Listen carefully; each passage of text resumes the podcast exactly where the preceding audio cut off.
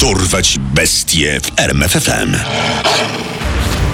Imię i nazwisko. Robert Christian Hansen, Znany także jako piekarz-rzeźnik, ulubione zajęcia. polowanie na ludzi, Liczba ofiar. przynajmniej 17, Skazany na dożywocie lub 461 lat więzienia bez możliwości starania się o zwolnienie warunkowe. Robert Christian Hansen, przez media ochrzczony piekarzem rzeźnikiem, był prawdopodobnie jednym z najgroźniejszych morderców w historii Ameryki, a z całą pewnością najgroźniejszym żyjącym na Alasce. To właśnie w tym odległym, nieco dzikim i bliskim natury stanie między 1971 a 1983 rokiem Hansen porwał, zgwałcił i zamordował przynajmniej 17 kobiet. Na wiele z nich polował w dziczy z wykorzystaniem noża i Rugera Mini 14. Jednak zanim rozpoczął swoje krwawe łowy, był zwykłym, cichym i nieśmiałym dzieckiem. Urodził się w 1939 roku w Esterville w stanie Iowa w rodzinie duńskich imigrantów. Ojciec z zawodu piekarz nie należał do serdecznych ludzi, a według samego Roberta bywał brutalny i dominujący. Niemniej negatywny wpływ na młodego Hansena miała despotyczna matka. Młody Hansen nie miał też łatwego życia w szkole. Był nieśmiałym chucielcem, jąkał się, a w okresie dojrzewania cierpiał na ostrą i bolesną odmianę trądziku, po której blizny towarzyszyły mu nawet w dorosłości. Mimo tych wad marzyły mu się randki z najpiękniejszymi dziewczynami w szkole, które oczywiście odrzucały go. Wiesz co? Yy, jestem już zajęta, więc niestety nie umówię się z tobą. Jedne starały się być delikatne, a inne nie przebierały w słowach. Chyba śnisz, pryszczaty oblechu. W Hansenie zaczęła rosnąć nienawiść do kobiet i często snuł skomplikowane fantazje o zemście. Ujście dla tych brutalnych tendencji znalazł w swoich nowych hobby myślistwie i łucznictwie. Gdy skończył szkołę, został piekarzem, ale zawód ojca nie przypadł mu do gustu i szybko się nim znudził. W 1957 roku zapisał się do rezerwy armii amerykańskiej, po roku jednak zwolniono go ze służby.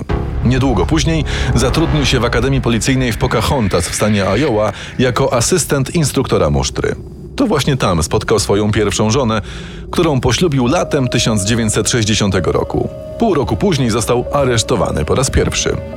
7 grudnia był zwykłym kolejnym dniem w życiu Hansena, ale nagle w jego głowie pojawiła się obsesyjna myśl, której nie mógł się pozbyć. Pragnienie zemsty za przykrości, które spotkały go w szkole, było wyjątkowo mocne.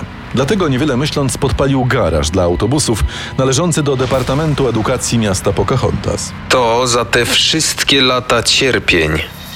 Za podpalenie odsiedział 20 miesięcy z trzyletniego wyroku, który usłyszał. Podczas odsiadki jego żona wniosła o rozwód. Usłyszał też diagnozę zaburzenie afektywne dwubiegunowe. Psychiatra, który go diagnozował, w swoich notatkach zapisał także, że Hansen ma dziecięcą osobowość i obsesję na punkcie zemsty za przeszłe krzywdy. W kolejnych latach kilkukrotnie trafiał do aresztu za drobne kradzieże. W 1963 roku poznał swoją drugą żonę i para doczekała się dwójki dzieci, a w roku 1967 cała rodzina przeprowadziła się na Alaskę. Anchorage okazało się być dla niego nowym startem. W mieście nikt nie znał jego przeszłości, a sąsiedzi lubili go. Szczególnie dużo szacunku zaskarbiły mu myśliwskie sukcesy. Udało mu się nawet ustanowić kilka lokalnych rekordów. Na Alasce Hansen wrócił także do zawodu piekarza. Niestety spokój i szczęście nie trwały długo. W 1971 roku aresztowano go dwukrotnie. Raz za porwanie gospodyni domowej i próbę gwałtu oraz drugi raz za zgwałcenie prostytutki. Dla prokuratury tylko jedno z tych przestępstw było priorytetem. Jeśli nie zaprzeczy pan zarzutom o napaści na kurę domową i przyzna się do winy, to odpuścimy tę prostytutkę. W ramach ugody jego wyrok miał wynosić 5 lat. Jednak już po 6 miesiącach został zwolniony do ośrodka przejściowego. Niedługo potem zaczął zabijać. Jego schemat działania był dość charakterystyczny. Pierwszym krokiem było zaproszenie prostytutki do samochodu. Gdy nie chciała wsiąść z własnej woli, zmuszał ją, grożąc bronią. Następnie wyjeżdżał w odludne miejsce, gwałcił i wypuszczał w dzicz. Po chwili zaczynał swoje łowy. Tropił swoją zdobycz i zabijał nożem lub z broni palnej.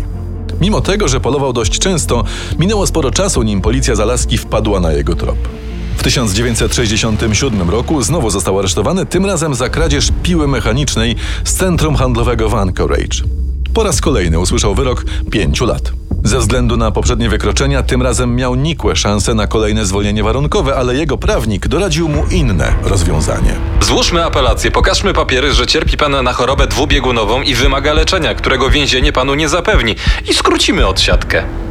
Najwyższy Sąd Alaski przychylił się do apelacji Hansena i zwolnił go z aresztu. Robert wyszedł na wolność i wrócił do swoich polowań. Przez kilka lat wszystko szło dobrze, ale 13 czerwca 1983 roku popełnił błąd. Tego dnia Hansen zaoferował 17-letniej prostytutce Cindy Paulson 200 dolarów za seks oralny. Dziewczyna zgodziła się i wsiadła do jego auta. Wtedy Hansen wyciągnął broń i zawiózł ją do swego domu. Następnie przypiął łańcuchem do rury w piwnicy, zgwałcił i zdrzemnął się na kanapie.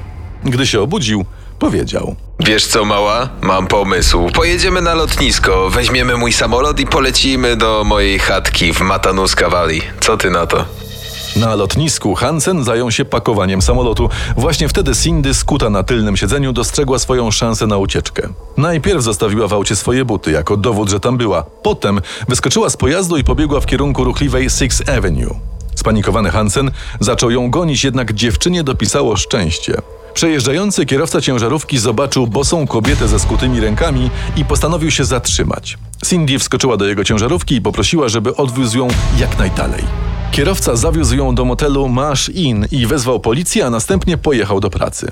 W międzyczasie Cindy zadzwoniła do swojego chłopaka pracującego w pobliskim motelu, a potem zamówiła taksówkę i pojechała do niego. Gdy policjanci przyjechali do motelu, kobieta opowiedziała im o wszystkim, co ją spotkało. Policjanci byli bardzo podejrzliwi wobec Hansena, szczególnie mając na uwadze jego wcześniejsze liczne wykroczenia.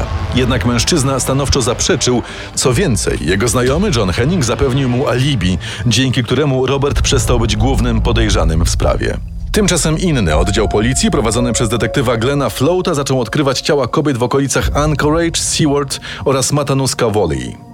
Na wszystkich zwłokach znajdowano podobne ślady, dlatego Glenn zaczął przypuszczać, że ma do czynienia z seryjnym mordercą. Z tego powodu skontaktował się z bardziej doświadczonym w tego typu sprawach kolegą Johnem Douglasem z FBI. Douglas sporządził profil psychologiczny mordercy. Zabójca to doświadczony myśliwy z niską samooceną. Kobiety często odrzucały jego awanse. Odczuwa silną potrzebę zachowywania pamiątek po swoich zdobyczach. Niewykluczone, że morderca ma jakieś defekty wyglądu lub jąka się. Posługując się tym profilem, Float trafił w końcu na Hansena, który pasował wręcz idealnie. Podejrzenia dodatkowo wzmocniły zeznania Cindy Paulson. Detektyw zdobył więc nakaz rewizji domu i pojazdów należących do Hansena i znalazł mnóstwo śladów. W domu mordercy znaleziono biżuterię należącą do niektórych ze znalezionych kobiet i cały arsenał broni palnej. Za łóżkiem śledczy odkryli z kolei mapę lotniczą z naniesionymi X-ami w miejscach, gdzie porzucono ciała. Początkowo morderca próbował wszystkiemu zaprzeczać, ale wobec ogromu dowodów w końcu zmienił śpiewkę. No dobra, zabiłem je, ale to one były winne. Wyśmiewały mnie, nie chciały iść ze mną do łóżka albo dziwnie na mnie patrzyły. To ich wina. Hansen opowiedział o serii morderstw, którą zaczął w 1971 roku. Pierwszymi ofiarami były kobiety w wieku 16-19 lat, które nie były prostytutkami. Dopiero gdy zauważył, że pracownice seksualne łatwiej zwabić w pułapkę, zmienił profil swoich ofiar. Prokuratura, chcąc odkryć wszystkie punkty z mapy Hansena, zaproponowała mu ugodę. W zamian za cichy proces i odsiadkę w więzieniu o najniższym rygorze, morderca miał zaprowadzić ich w miejsca, gdzie ukrywał zwłoki. Tak też się stało. Hansen pokazał śledczym 17 miejsc, w których grzebał kobiety, na które polował. O 12 z nich policjanci nie mieli pojęcia. Z niejasnych przyczyn odmówił wskazania miejsca pochówku w trzech miejscach zaznaczonych na mapie. Szczątki 12 z prawdopodobnych 21 ofiar ekshumowano i oddano rodzinom. Niewiele wiadomo o przebiegu procesu, gdyż zgodnie z umową z prokuraturą odbył się on za zamkniętymi drzwiami. Mimo tego morderca nie dostał taryfy ulgowej. Wyrok, jaki usłyszał Robert Christian Hansen, był druzgocząco wysoki 461 lat pozbawienia wolności bez możliwości starania się o zwolnienie warunkowe. Jak łatwo się domyślić, morderca nie odsiedział całego swojego wyroku. Zmarł 21 sierpnia 2014 roku w wieku 75 lat. W raporcie patologa widniał dość enigmatyczny zapis: śmierć z przyczyn naturalnych spowodowana przewlekłymi problemami zdrowotnymi. Poznaj sekrety największych zbrodniarzy świata. Dorwać bestie w RMFFM.